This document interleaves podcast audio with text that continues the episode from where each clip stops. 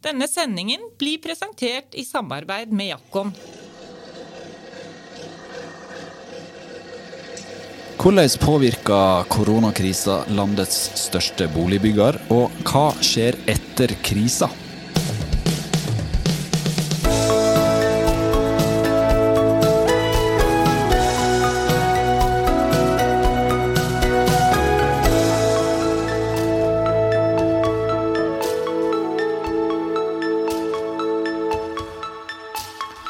Utafor vinduet her i Stensberggata i Oslo er det sol, og gradestokken nærmer seg 20 grader.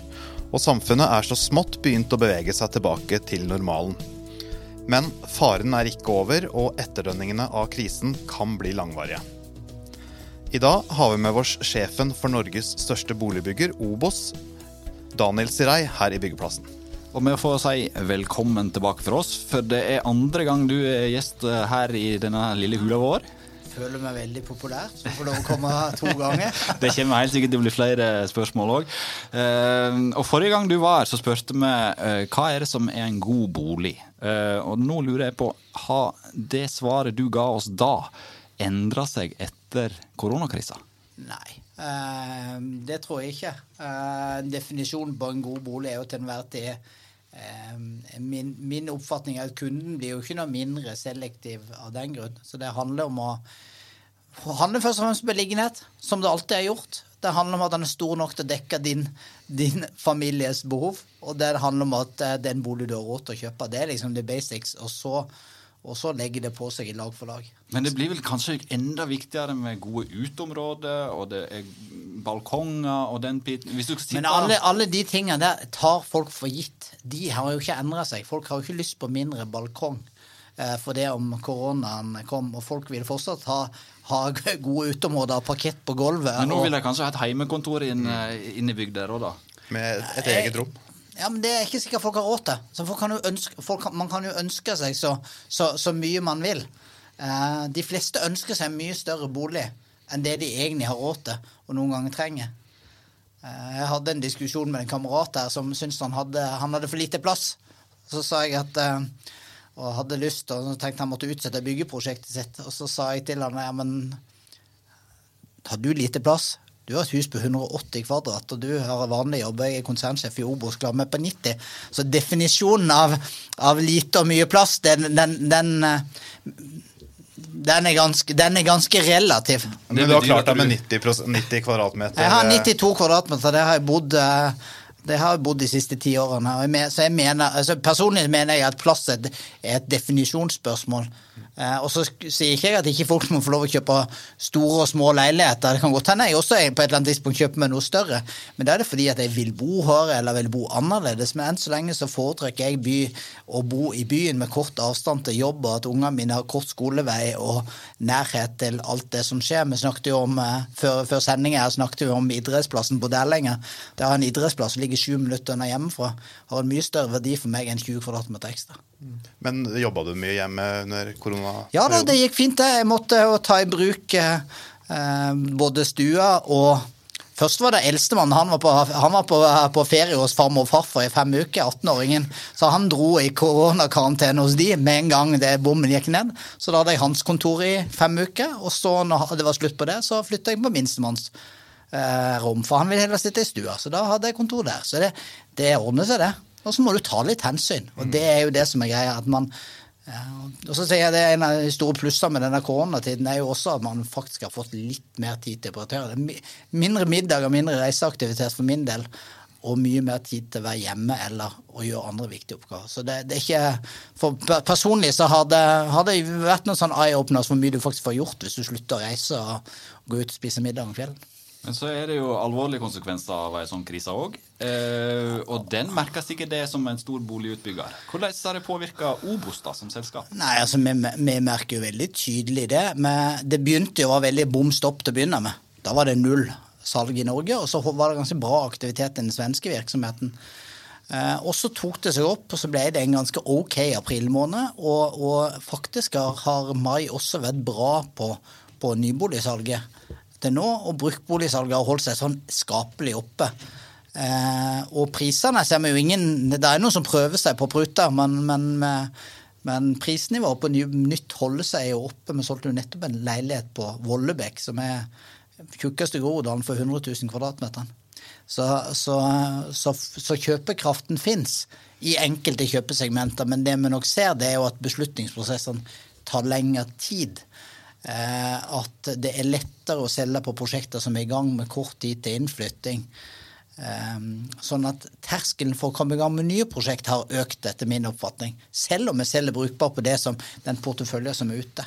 Men hvor mange prosjekter har dere starta opp i den perioden her, da? Nei, vi har ikke byggestarta. Vi byggestarta så vidt et prosjekt, eller bestemt dere for at vi skal byggestarte et stort prosjekt eh, på, på Vollebekk.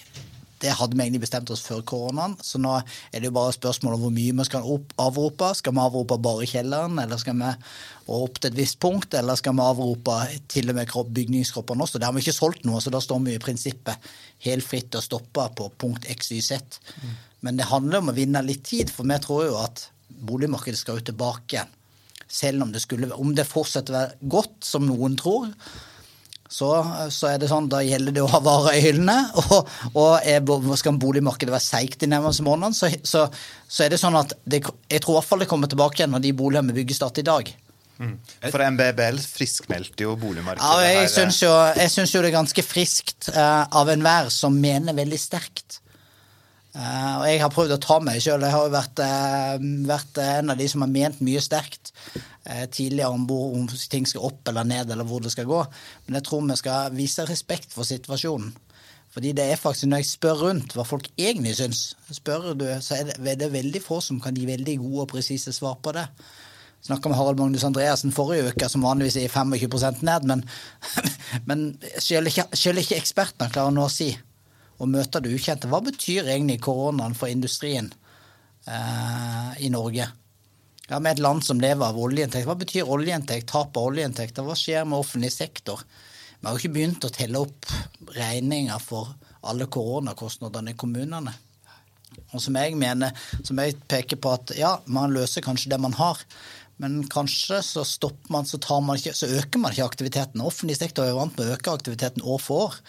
Men nå er det kanskje ikke klarer man kanskje ikke å øke tjenestetilbudet, for det har man ikke råd til. Så da velger man da å, å, å prøve å stabilisere tjenestenivået. Og hvis du tar bort økning i aktivitetsnivå, det er som bruker Obo som eksempel Mye av den kostnadsbesvaringen vi gjør i høst, det er bare å stoppe, stoppe aktivitetsøkning. Mm. Og Det betyr at folk som skulle vært ansatt, ikke blir ansatt. Og Vi hadde planlagt å ansette 200 mennesker i løpet av året, og det blir kanskje 50. For vi rakk å ansette noen i første kvartal før vi satte der fullt ansettelsesstopp. Så det, det, betyr, det, betyr, jo ganske mye når folk slutter å ansette nye. Mm. Så selv om folk ikke mister jobben sin, så ansetter de ikke nye. Og det, det, det, har vi ikke sett konsekvensene av. Det kan hende det går bra, at folk faktisk har en jobb, eller at studentene forlenger studieløpet sitt et år og tar et år til på universitetet, eller bygger på litt, sånn at det løser seg den. Men det er da vi skal telle ut. Men du sier at dere ikke har ansatt noen, men har dere permittert noen? Eh, vi har permittert i Sverige, er de i full gang med sin, sin, runde. Så det er ganske mange som er omfattet av permitteringer og, og neddragninger. Mm. Og vi har permittert noen eh, på byggesida. Eh, I Blokk Vatna vi måtte permittere noen tømmerstenger på enkelte kontorer for, fordi det ikke er nok jobb å gjøre. Og, og vi ser jo at eh, det kan komme permitteringer også i Obos, jo, men, men her, her, må vi, her, må alt følge boka. så vi vi må følge alle, alle kunstregler og, og, og, og, prøve å forholde seg til rettighetene som arbeidstakerne har. Det plikter man som ansvarlig arbeidsgiver når man har mulighet til å se hva, hva er handlingsrommet vi har. Kan, vi skaffe, kan, kan de brukes andre steder i organisasjonen før man går til? Du, du, sier det at uh, I begynnelsen så gikk det bedre i Sverige enn det det gjorde her. og Så sier du nå at det har permittert en del i Sverige. Og De har jo hatt ulike tilnærminger til å håndtere koronakrisa. Hvordan har det slått ut for dere? Nei, altså, men vi har jo alltid vi har jo kjørt norske regler for dag én. I, I vår også. produksjon. Så vi innførte karanteneregler på eget personale før svenskene innførte karanteneregler. Så de fikk ikke lov å dra på altså, De som hadde dratt på påskeferie, de fikk ikke komme på jobb når de, eller vinterferie, de fikk ikke komme på jobb lenge før svenske myndigheter kom med de samme anbefalingene. Så vi har jo klart å holde smitten ute av arbeidsplassene. Ikke hatt sykdom på plassen eller klart å holde fabrikkene i gang. Men det er klart at når du ikke får salg, så får du heller ikke satt i gang. Og der har du jo et stort produksjonsapparat. og Manglende salg og manglende bestilling gjør jo at du, at du må ta ned aktivitetsnivået. Og det er jo det vi kommer til å se, som jeg frykter vi kommer til å se i, i norsk byggenæring også. Det tror jeg myndighetene tror jo at dette går bra. Jeg hører det at når de snakker nei, bygg og anlegg går bra. Ja, det kommer til å være ganske bra med sysselsetting ut dette året, men vi merker jo, det hører jo dere også, at det skjer ting med ordrebøkene på andre sida av nyttår. Men hva, hva er mottrekket til, til det? Nei, altså mottrekket er for det første så tror jeg vi må se mye mer kraftfulle virkemidler. Jeg syns det har vært ganske tafatt det som har kommet fra regjeringen til nå på, på byggsektoren. Kanskje, og jeg vet jo, jeg har vært deltatt i det arbeidet sjøl. Vi har levert inn mange innspill til myndighetene. Men til nå er det som å sende liksom et post, det er som å sende et, et brevpost til Australia og så håper det kommer fram til en ukjent adresse. Det er liksom null respons tilbake. igjen. Du har flaks hvis du får noe tilbake. igjen. Det har vært responsen så langt. Vi møter mange høflige ord. Eh, Men, men jeg tok det opp med Jonas Gahr Støre i går at nå er det jo tiden å gjøre noe kraftfullt på rehabilitering av eksisterende bygningsmasse. Nå har sagt at boligmassen, altså bygningsmassen er noe av det som skal løse klimaløftet i, i Norge. Og så sier jeg, men kan du ikke begynne å se på momsregimet, da? Du har gjort det på elbil, kan du ikke se på det? Nei, men det er så vanskelig med momsen, for det fjerner inntekter. Ja vel, men eh, hadde vi fått satt hjulene i gang, flytta ledige hender fra nybygg over til å rehabilitere, og det er ikke private hus, vi trenger ikke et rotfradrag for at hvermann som skal få lov å male stua si eller legge parkett, det er ikke viktig for, for Norge. Det som er viktig for Norge, er at vi får gjort et ordentlig klimaløft, så vi, vi faktisk kan bruke midlene der de virker. Og det hadde vært mye mer kraftfull hvis vi hadde kunnet fått til et grep som gjorde at borettslag og sameier, for den saks skyld eneboligeiere, hadde gjort et ordentlig klimaløft. Et ambisiøst et som hadde redusert energiforbruket. Men det krever jo penger. Og da kan man ikke bare si nei, vi mangler inntekt her, men da må du kanskje, kanskje vi skal droppe noe annet. da. Mm. Så, og denne næringa har ikke hatt nok impact til nå. Det er bare vei. Så enn så lenge er det bare alle som skriker om vi skal bygge mer vei. Og det er viktig, det vet dere jo at jeg syns, men eh, Men tror du det kommer noe retta mot eh, bygg og bolig i den fase tre? jeg, jeg, håper, jeg håper det, men jeg er redd at det kommer når krisa er der. Mm. Istedenfor at vi kan klare å få satt i gang og lage gode pakker. Og de snakker i hvert fall ikke med oss, da. Så altså, det, det er mulig det skjer noe i det, i det stille departementet, men jeg tror det jeg hører, at det er, ikke, det er ikke så mye feedback tilbake på hva som skjer. Det nytter ikke å øke låneramma til Husbanken heller. Det er ikke flere lån folk trenger. Lån får du i banken. Ikke vanskelig å få lån for borettslag og sameie eller for den saks skyld private bedrifter. Så boligprodusentene som du antakeligvis er medlem av, de ber jo om 20 milliarder til Husbanken. Du er ikke helt på linje der, altså. Nei, jeg mener, jeg mener, jo, jeg mener jo at det kommer til å hjelpe lite. Det er ikke lån eh, man trenger der ute. For, altså en rente, med all respekt å melde, med en rente, eh, om det er Sparebank1 Midt-Norge eller Sparebanken Østlandet eller Obos-banken, når renta er for, for, for førstegangsetablereren er på 1,50, så er ikke jeg sikker på om det er lån fra Husbanken til fem rentepunkter mindre som vipper lasset for folk. Jeg tror faktisk ikke Jeg tror, jeg, jeg tror ikke det, så der er jeg litt uenig med de som tror at det løser det er et normalmarked akkurat nå. Man skulle heller brukt de pengene på, på eh, med en annen struktur.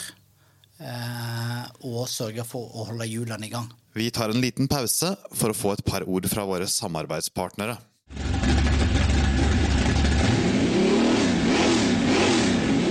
Hører du kjerra mi i bakgrunnen? En 57-modell Chevy 350 fra Halden. En rå V8 med høy lyd og høyt bensinforbruk. Vil du heller spare energi, så skal du sjekke ut en 350 fra Fredrikstad isteden. Nemlig Jakkon Termomur 350. Thermomur er det moderne byggesystemet som gir høy bokomfort og lave energikostnader. Systemet er like bra både til grunnmur og vegger.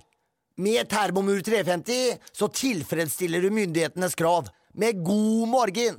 Og da er vi tilbake på byggeplassen. Vi var inne på boligprodusentene. De har, de har alltid vært sånn på eh, 5000 boligreguleringer. Eh, Er ikke det det de sier at en bør ha i Oslo årlig? Eh, jeg spurte um, byrådssekretæren før, eh, før sendingen her om hvor mange som er regulert i Oslo i dag. Jeg kjørte eh, quizen på deg før, så du veit svaret.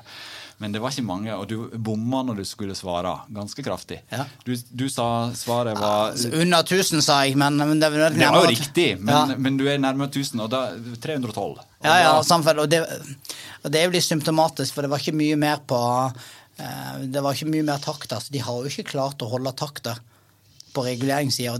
Jeg hører jo ofte ja, men det er utbyggerne sender ikke nok planer. Ja, det er en sannhet med modifikasjoner. Eh, vi har mange planer som ligger i pipeline, som vi godt kunne hatt større framdrift på, og som ligger Men det, men det tar, prosessene tar veldig mye lengre tid. Ja, det tar det lengre tid nå òg? Ja, det, altså, klart Vi må vise forståelse for at også plan- og bygningsetaten eh, i Oslo har på en måte Det er noe med når du, når du ikke har utstyrt alle med laptop og ikke rukket å gjort det, og alt IT-utstyr ditt står på kontoret du skal, Nå har de lykkes bra. Det, jeg, jeg tror de har gjort alt det de kan. Men det er ikke det som er problemet. Det er ikke koronamanglende behandling som er problemet. Eh, Det er jo en vedvarende eh, prosess over tid, der prosessene tar lengre tid. Mange prosesser blir bremsa i påvente over Vi advarte jo mot den nye kommuneplanen at dette kommer til å skje. Med all denne overordna planleggingen, som i og for seg er riktig, men som er veldig omstendelig. Eh, Vi kunne godt tenkt å begynne å regulere for 1000 boliger på Rosenholm. Får beskjed om at nei, må vente, de har ingen plan for når de skal begynne med overordna planlegging. Hva, hva søren gjør du da? Og så sier kommunen at Oslo kommune da sier at de har 25 000 boliger Ja, er jo- ferdig regulerte. Så har du Ja, Jena-rapporten ja, ja. som viste at eh, 8300 av de er byggeklare. Ja, og det samsvarer med min oppfatning av det hele. Heldigvis er vi godt forspent, for vi har jo vært gode å planlegge og la gode planer for dette for mange år siden, hvordan vi skulle møte dette og sørge for å ha nok, nok ferdigregulert i, i pipeline.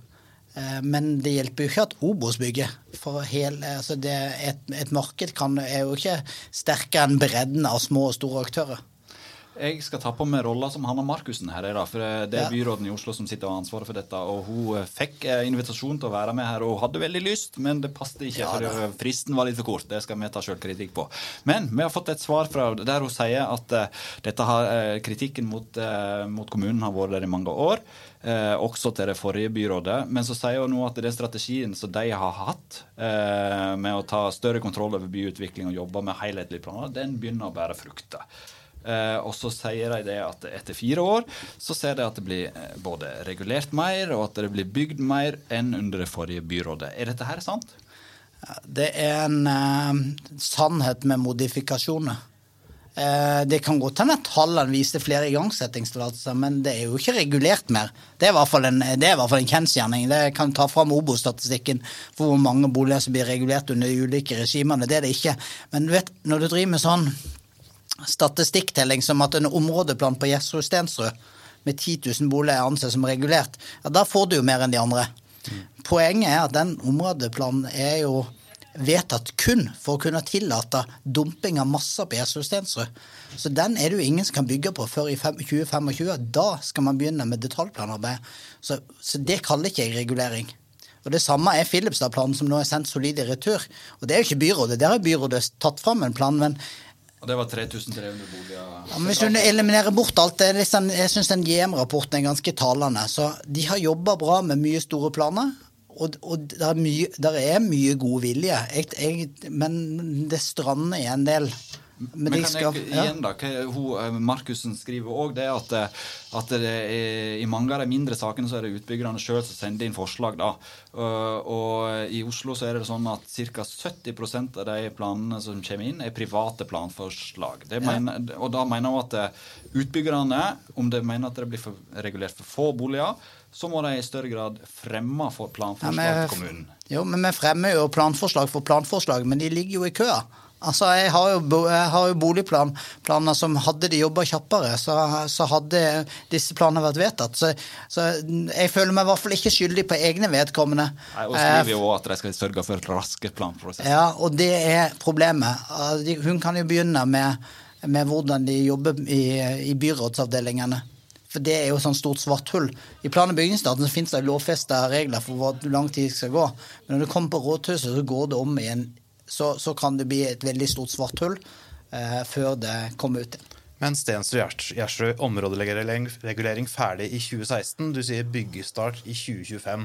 Ja, Den er jo også avhengig av i beste fall at det er en ny vei som de er imot. Er- Og de vil jo ikke bygge, ikke hadde en plan for å finansiere banen.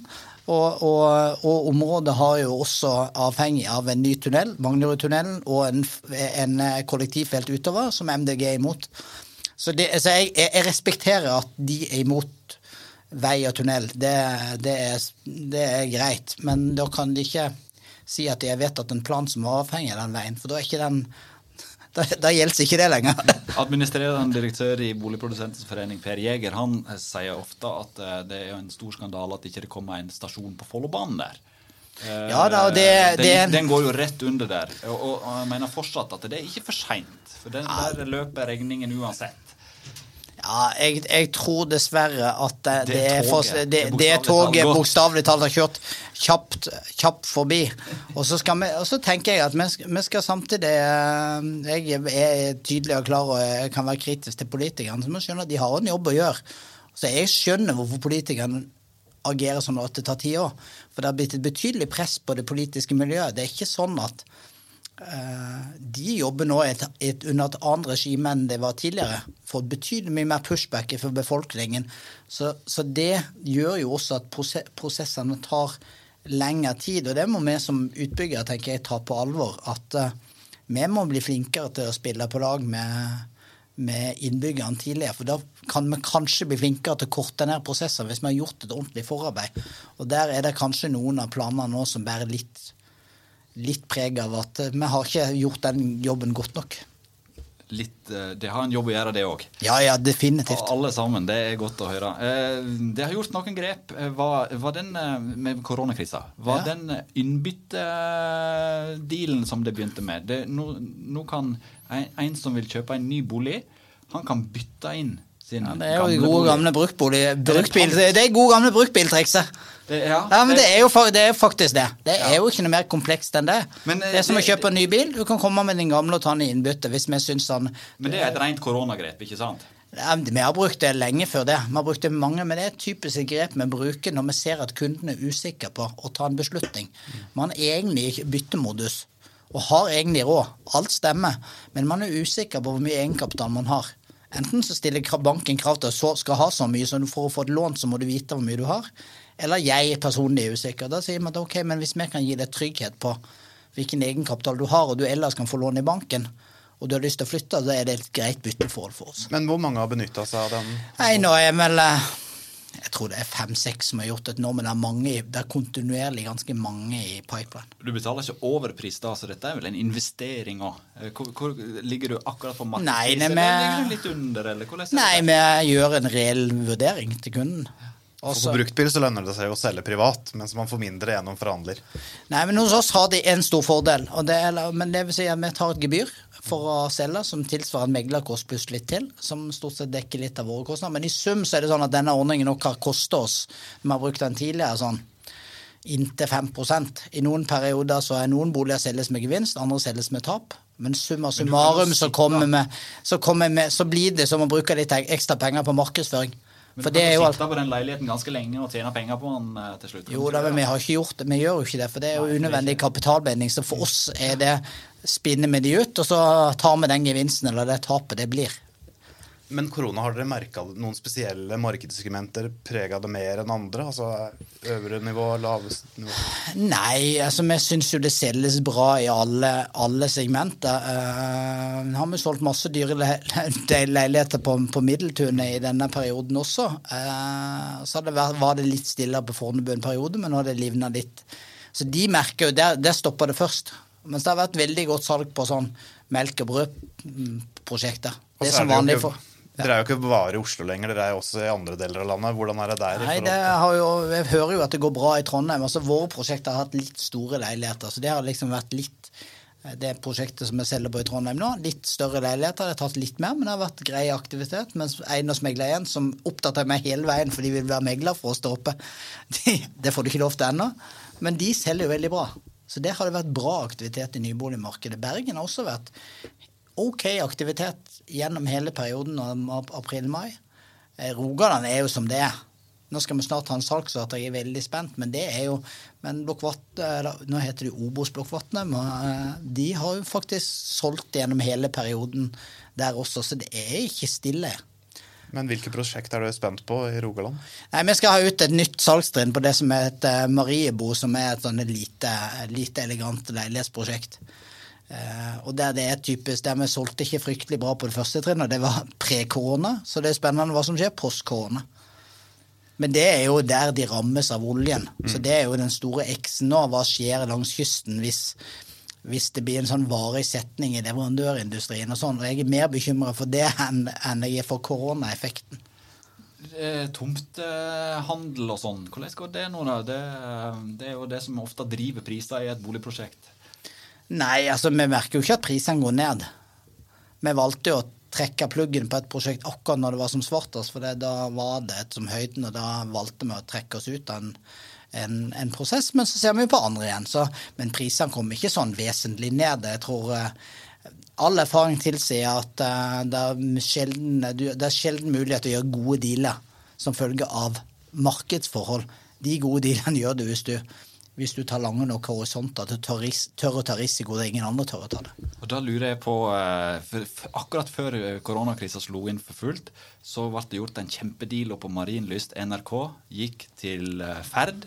Du hadde veldig lyst på den tomta. Det Det var veldig synd. Var det, var det sånn sett med koronaøyne? Er det en god deal eller en dårlig deal, eller hvordan Nei, det, der kommer til, det kom til å gå helt utmerka for Ferd. Det er lenge til dette skal bygges. Men husk at de skal nå utvikle. De skal kanskje NRK kommer an på hvor lang tid NRK bruker på å bli ferdig med flytta. Men de skal jo ikke begynne å selge boliger der før i 2025. Så vi, så vi har jo noen modeller internt hos oss. Og når vi modellerer på hvordan et worst case kan se ut med en ganske kraftig markedskorreksjon, så viser jo alle tallene til 2025. Så er man i hvert fall tilbake igjen på 2020-nivå. Hva er best case? Altså de, dere, hvis dere lager modeller for worst case, nå, hva er, når Nei, er nei jeg, jeg tipper at, eh, at vi er tilbake igjen i 2024, tenker jeg. Hvis, hvis, fall, hvis, du skulle, hvis boligmarkedet skulle falle med 10% så tror vi liksom sånn Ja, kanskje det er 6 i år og 4 til neste år. Og så. Det er én modell. Jeg tror kanskje ikke at eh, det kommer til å se så store effekter allikevel.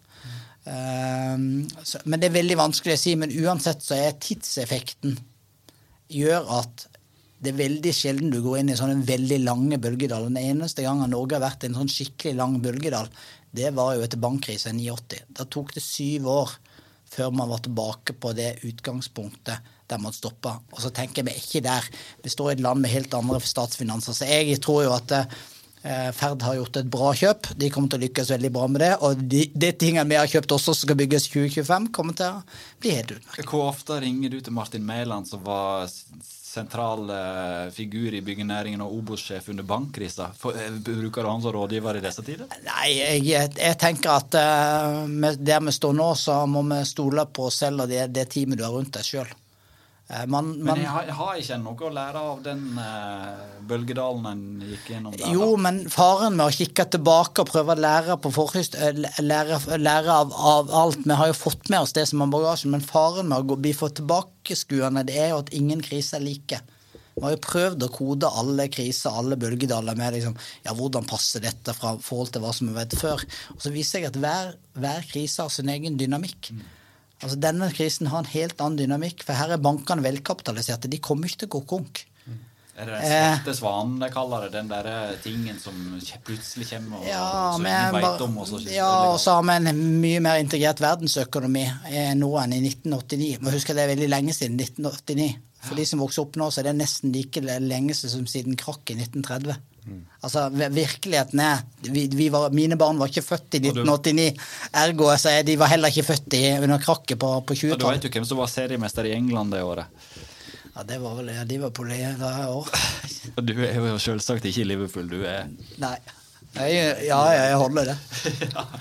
Eh, Vi begynner å nærme slutten når vi går over på sånne spørsmål. Jeg, det da? Eller jeg Jo, kunne stått der og snakka en halvtime, time og to timer om både fotball og alt. Jeg. Ja, og jeg kunne sagt at jeg heia på laget som vant Premier League på Anfield eh, sist gang. Ja, Det ble vunnet der. Ja. Blackburn, som ikke Ja. er like god nå, så det kan vi egentlig bare hoppe bukk over, tenker jeg. Jeg tenker at fot Fotballen er jo egentlig et ganske godt eksempel på, på det vi ønsker å oppnå. Det, det, det, og, og, man er i sånne storhetsperioder. Men det eneste som er helt sikkert, det er at, uh, at det, det, kommer tilbake igjen. Ja, det begynner å rulle litt igjen. Ja, ja. Tyskland er i gang. og... Jo, men gamle, stor, gamle storheter. Du, du er en down-periode, så kommer du tilbake, og så, ja, sånn samler, sett, ja. så samler du troppene, du samler laget ditt. Du sørger for å, å rydde hjemme, sørger for å lage en ny struktur, og så kommer du tilbake igjen sterkere enn det du var. Når vi er inne på fotball, vi er nødt til å snakke bitte litt på tampen også om Obos og sponsoratet både på kvinnesida og herresida i norsk fotball, og i Sverige. Ja. Hva, hva, får dere igjen av det, føler du? Nei, altså For det første får vi jo mye synlighet. For, altså, det har jo vært viktig for å bygge vårt varemerkekjennskap. Det er jo alltid viktig liksom, når du skal bre deg for å være en Oslo-identitet.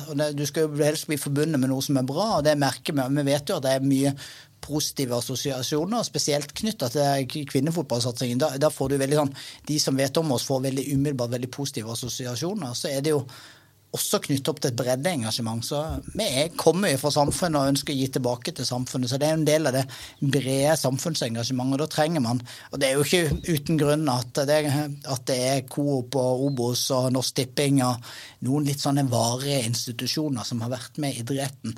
Det er landbrukssamvirket. Se også, det er Tine Obama. Hvem er det?